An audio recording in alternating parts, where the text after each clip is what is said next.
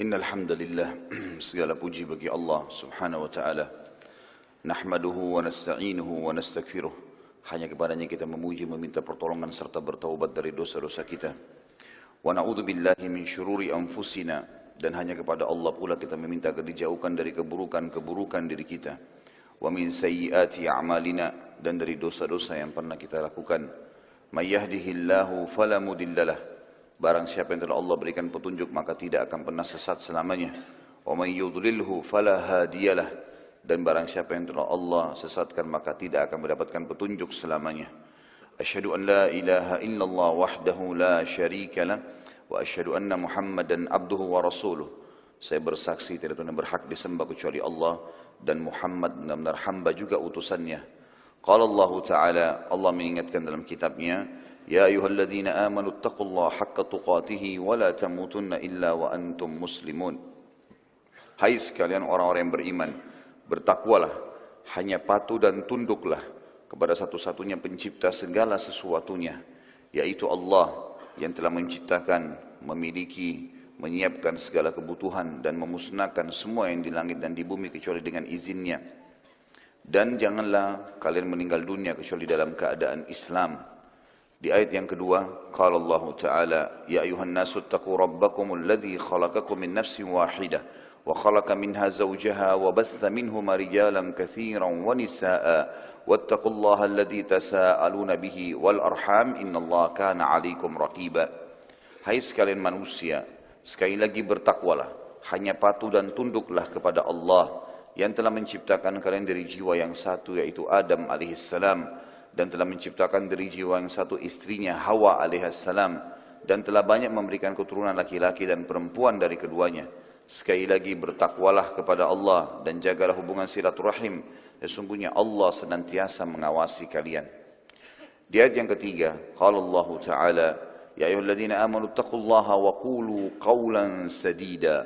يصلح لكم أعمالكم ويغفر لكم ذنوبكم ومن يطع الله ورسوله فقد فاز فوزا عظيما Hai sekalian orang yang beriman sekali lagi bertakwalah hanya patuh dan tunduklah kepada Allah dan ucapkan kalimat yang benar niscaya dia akan memperbaiki amal-amal perbuatan kalian mengampuni dosa-dosa kalian barang siapa yang mentaati Allah dan Rasulnya maka dia telah mendapatkan kemenangan yang besar amma ba'd fa inna asdaqal hadithi kitabullah Kita tahu sebaik-baik rujukan umat Islam dalam segala lini kehidupan mereka terutama dalam masalah ibadah adalah Al-Quran, Kitabullah wa khair hadiyu hadiyu Muhammadin sallallahu alaihi wa sahbihi wasallam dan sebaik-baik petunjuk setelah Al-Quran adalah petunjuk Nabi besar Muhammad sallallahu alaihi wa sahbihi wasallam yang dikenal dengan As-Sunnah wa syarul umuri muhdathatuha dan seburuk-buruk perbuatan terutama dalam masalah ibadah yang tidak punya rujukan dari keduanya Al-Quran dan Sunnah. Fa inna kulla muhdathin bid'ah. Semua perbuatan ibadah yang dibuat-buat dikenal perbuatan baru dalam agama.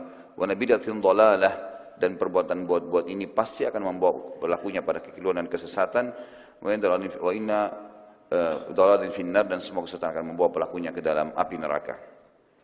Apa yang baru kita bacakan tadi teman-teman sekalian adalah khutbah hajah Baginda Nabi alaihi salatu wassalam tidak pernah khutbah Jumat, khutbah Id, momen-momen besar termasuk mengutus pasukan sebelum memberikan wasiatnya alaihi salatu wassalam beliau selalu memulai dengan khutbah hajah mengingatkan kaum muslimin kepada tiga ayat penting. Bertakwa dan patuh tunduk kepada Allah dan juga mengingatkan agar mereka selalu berpegang pada Al-Quran dan Sunnah terutama dalam masalah ibadah dan berhati-hati dari perbuatan bid'ah atau lawan daripada sunnah yang melakukan ibadah yang tidak ada rujukan dari wahyu Allah Subhanahu wa taala. Melanjutkan bahasan kita teman-teman sekalian buku amalan yang mendatangkan rahmat Allah dan kita masuk ke poin ketujuh. Setelah poin sebelumnya kita membahas poin keenam masalah taubat dan saya berikan sedikit review pada saat kita bahas poin keenam teman-teman sekalian. Kalau seseorang di antara kita sudah ada di lautan dan akan tenggelam, sudah akan tenggelam, maka tidak ada yang menyelamatkan kecuali satu kapal misalnya. Dan kapal ini kalau dia tidak segera naik di atasnya pasti tenggelam. Kapal ini taubat. Kapal ini adalah taubat. Karena orang yang sedang terjerumus dalam dosa sebenarnya adalah orang yang sudah akan tenggelam. Dan dia akan meninggal dunia tanpa dia sadari. Ibaratnya seperti orang yang minum racun, tapi dia tidak sadar kalau racun itu berbahaya, tidak segera berobat, maka pasti dia akan mati. Taubat bisa kita ibaratkan kapal menyelamatkan seseorang yang akan tenggelam, obat yang akan menyembuhkan dari racun yang sedang dia minum, dan seterusnya apa pun istilahnya yang penting taubat itu adalah password atau kan, jalan keluar dari Allah yang sangat luar biasa. Bagaimana sang pencipta Allah memudahkan dengan itu semua kesalahannya dimaafkan. Plus lagi di akhirat bisa masuk ke dalam surga. Poin kita pada pagi ini, insya Allah, semoga Allah berkati adalah masalah takwa. Dan ini juga salah satu sebab kenapa tadi saya bacakan khutbah aja. Takwa teman-teman sekalian, kalau kita ringkaskan tentu adalah patuh. Dan ini kata kunci juga yang penting sekali dalam kehidupan seorang muslim. Apa yang Allah dan Rasulnya halalkan, nikmati. Apa yang diperintahkan, kerjakan. Apa yang dilarang, jauhi. Itu ringkasnya takwa. Dan takwa memiliki banyak sekali manfaat banyak sekali. Saya pribadi dengan keterbatasan ilmu, saya coba melihat di Mu'jam Al-Fadl Quran, saya menemukan ada 226 fadilah takwa itu sendiri. Atau kalimat takwa disebutkan oleh Allah dengan beragam macam termnya. Muttaqin, muttaqun, ittaqu, dan seterusnya. Semua itu kurang lebih 226 ayat. Dan tidak pernah teman-teman sekalian ada dalam Al-Quran satu ibadah yang jumlah ayatnya sebanyak ini. Jadi saking pentingnya seseorang itu bertakwa dan banyak sekali fadilah. Di antara fadilahnya yang paling yang paling jelas yang bisa kita ambil adalah misal dalam surah At-Talaq surah nomor 65 ayat 2 sampai ayat 5. Ayat 2 sampai ayat 5. Di akhir ayat 2 surah At-Talaq, A'udzu billahi minasyaitonir rajim. Di akhir ayatnya, "Wa may yattaqillaha yaj'al lahu makhraja." Siapa yang bertakwa kepada Allah maka Allah akan berikan kepadanya makhraja dan makhraja artinya jalan keluar yang sangat luas untuk kehidupannya. Makanya tangga-tangga jalan darurat di dalam bahasa Arab di hotel-hotel misalnya kalau kita lagi umrah di Mekah sama Madinah tulisannya begitu. Mim kha ra jim makhraj. Ya, biasanya orang bahasa Inggris exit atau apalah tangga darurat dalam bahasa Indonesia. Yang jelas digunakan ini oleh orang Arab makhraj. Dan juga orang Arab membahasakan makhraj ini kalau ada orang yang sempit sekali jalan, tubuhnya nggak bisa bergerak, kemudian dia bisa berlari mendapatkan sebuah lapangan yang luas. Transisi dari tempat yang sempit ke tempat yang luas namanya makhraj. Dan Allah menggunakan dengan kemahamurahannya dan kesuciannya kalimat ini. Wa may yattaqillaha yaj'al lahu makhraja. Siapa yang bertakwa kepada Allah maka Allah akan berikan kepadanya makhraja. Kata para ulama tafsir makhraja min kulli fam min kulli farjin wa min kulli hammin wa min kulli ghammin. Jalan keluar dari setiap kesedihan, permasalahan, ya, kesulitan, apa saja. Dunia dan juga akhirat. Lalu ayat tiganya surah Talak Allah mengatakan wa yarzukhu min haitsu la dan Allah akan berikan kepadanya rezeki dari tempat-tempat yang ia tidak sangka. Artinya akan selalu datang Ya, hal-hal yang memenuhi kebutuhannya. Di ayat empatnya, di akhir ayat empat, kita ambil saksi bahasan saja. Wa may yaj'al min amrihi yusra. Siapa yang bertakwa kepada Allah, Allah akan mudahkan urusan-urusannya. Sebagian ulama tafsir mengatakan ayat empat ini dalam surah At-Talaq sangat berhubungan dengan ayat duanya. Ayat duanya tadi pada saat Allah mengatakan makhraja jalan keluar. Tapi belum dirincikan pada saat itu seperti apa makhrajanya. Misal ada orang mau uh, sembuh dari penyakit tapi melalui operasi misalnya. Itu juga makhraj. Tetapi masih melalui prosesi operasi misalnya. Dia mau usaha dia harus hutang dulu misalnya. Maka itu juga makhraj. Tapi belum yusra. Di ayat keempat dipastikan. Wa may yattaqillaha yaj'al min amrihi yusra. Artinya dimudahkan itu. Tanpa operasi bisa sembuh, tanpa hutang bisa usaha. Kemudian ayat kelimanya Allah mengatakan wa may yattaqillaha yukaffir anhu sayyiatihi wa yu'zim lahu ajra. Dan siapa yang bertakwa kepada Allah, Allah akan lipat gandakan pahalanya dan Allah akan bersihkan dosa-dosanya. Allah akan bersihkan dosa-dosanya dan Allah akan lipat gandakan pahalanya. Artinya semua kesalahannya akan dimaafkan. Ini kata ulama tafsir, sesuai dengan sabda Nabi alaihi salatu wassalam Wa atbi'is sayyi'atal tamhuha. Selalulah tutupi semua kesalahanmu yang lalu-lalu dengan amal-amal saleh, maka amal saleh itu akan membersihkannya. Dan kita tahu hampir semua perbuatan amal saleh dalam Islam akan membersihkan kesalahan-kesalahan. Wudu, sedekah, bakti dengan orang tua, apa saja ibadah yang kita lakukan, walaupun kita tidak niatkan untuk membersihkan dosa, dengan sendirinya dia akan membersihkan. Dengan sendirinya dia akan membersihkan. Dan kita tahu puncaknya surga yang dikejar setiap orang beriman, tempat yang abadi, tempat yang nikmat, tidak ada masa tua, tidak ada masa anak-anak lagi, semuanya umur 33 tahun, semuanya sehat. Kata Nabi SAW, orang yang masuk surga tidak lagi beringus, tidak lagi meludah, ya, tidak lagi buang air kecil, tidak lagi buang air besar. Ya, umur mereka semuanya sama 33 tahun. Ya.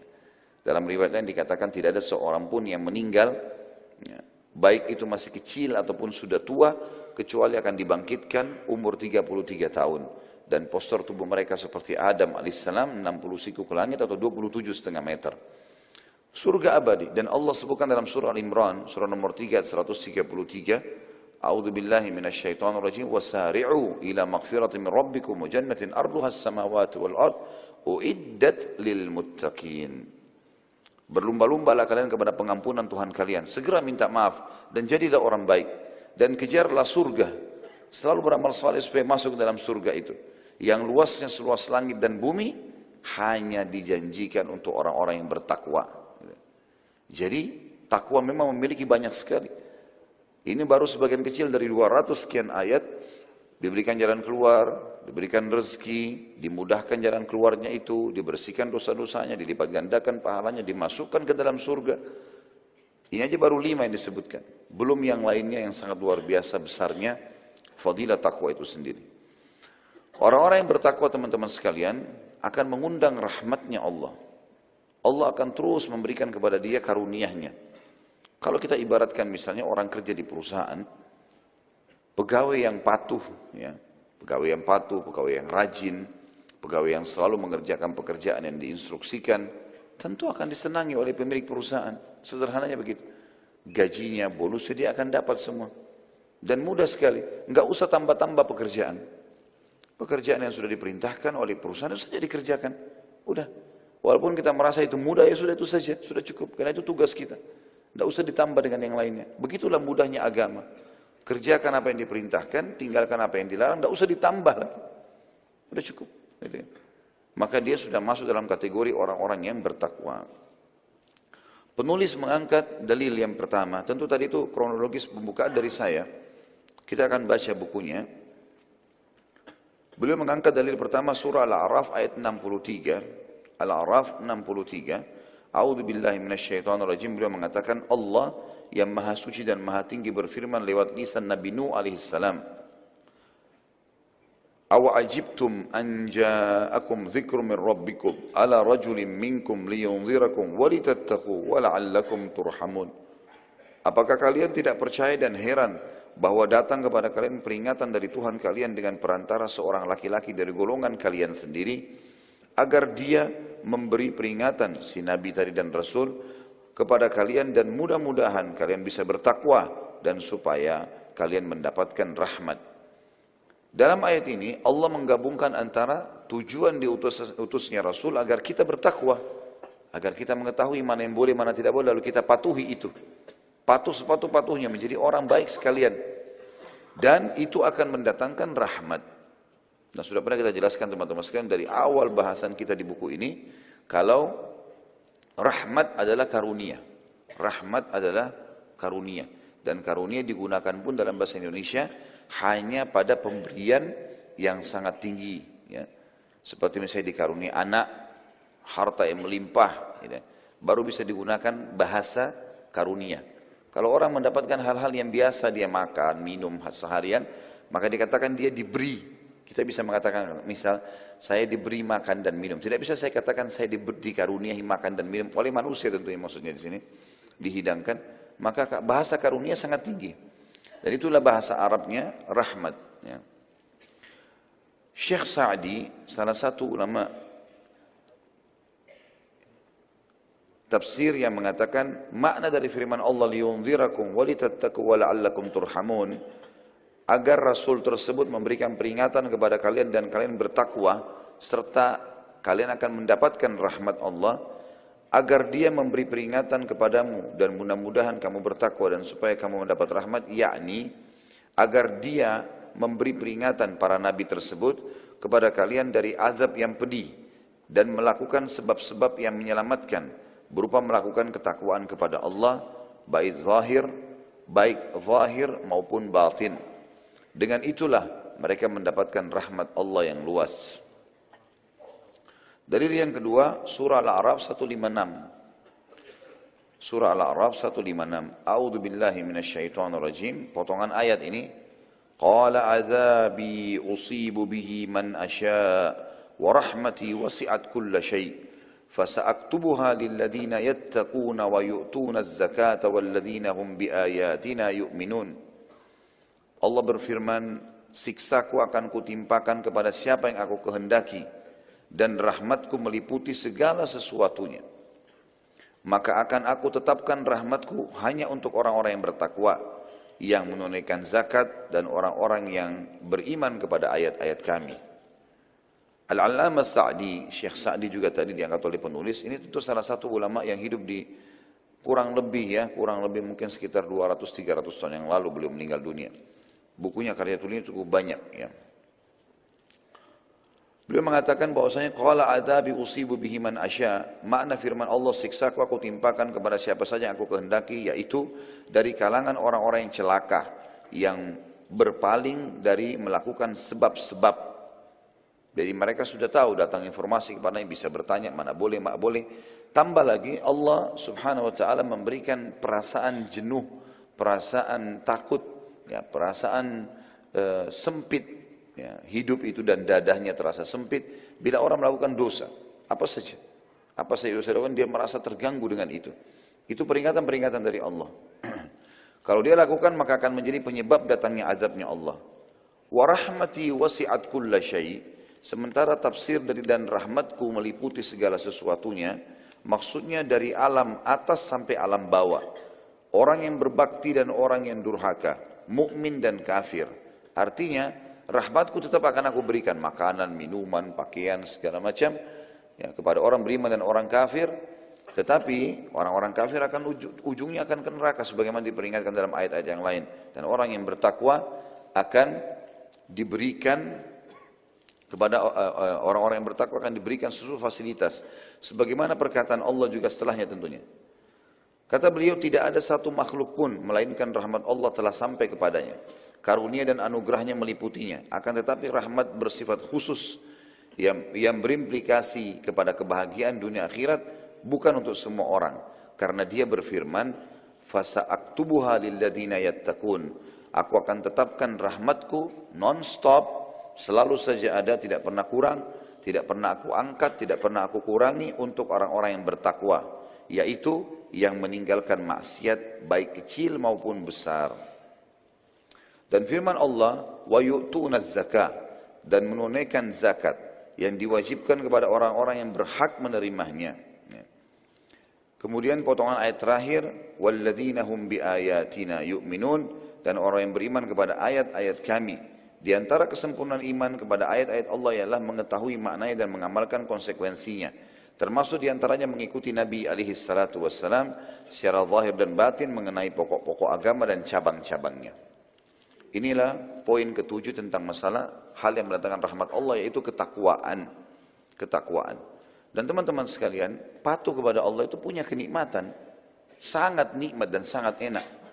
Seperti kasus orang dulu di majelis ilmu, enak, nikmat orang sholat, orang puasa, apa saja, apa saja yang kita kerjakan, ada kenikmatan dalam ibadah. Satu-satunya kata para ulama orang yang belum maksimal menikmati ibadahnya adalah orang yang setengah-setengah dalam ibadah itu. Kalau dia dasarnya ragu, ini sholat diperintahkan enggak ya? Zakat ini nanti bisa menambahkan mendatangkan rezeki atau tidak ya? Maka dia tidak bisa maksimal mendapatkannya. Karena memang dia harus di sini. Orang yang betul-betul serius dalam mengerjakan satu perbuatan, dia akan mendapatkan hasilnya. Pepatah bahasa Arab menyebutkan manjadda wajad. Siapa yang berusaha dia pasti akan dapat. Minimal mendapatkan sebagian dari apa yang dia jadikan sebagai targetnya. Dan Allah subhanahu wa ta'ala juga berfirman dalam ayat lain, A'udhu billahi minasyaitanirrajim, walladzina jahadu fina lanahdiyannahum subulana. Orang-orang yang berusaha ya, menuju ke jalan kami, kami pasti akan mudahkan jalan-jalan menuju ke kami. Yang kedelapan teman-teman sekalian adalah sabar ketika mendapatkan musibah. Sabar ada tiga macam dalam Islam. Tentu sabar itu definisinya menerima takdir Allah dan ikhtiar mencari jalan keluar. Ini sudah sering saya kasih contoh kalau masih ingat. Kalau kita bangun tidur pagi hari kemudian flu. Ya.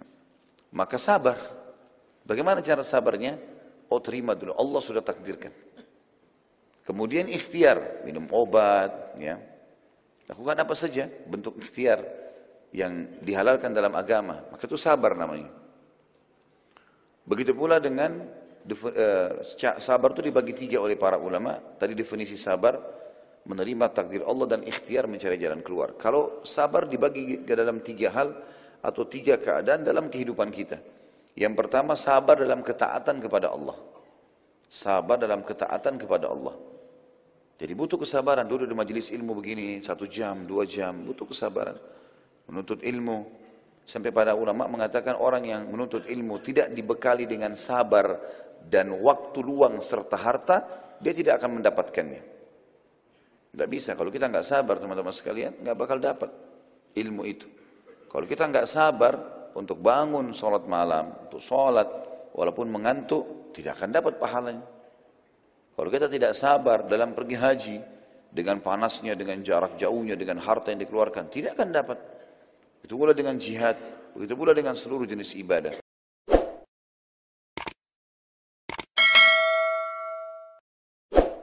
Assalamualaikum. Untuk pemesanan paket umroh murah bisa menghubungi 0821 4196 0857 Kami ulangi sekali lagi untuk pemesanan paket umroh murah bisa menghubungi 0821 4196 0857 Sekali lagi 0821 4196 0857 Terima kasih.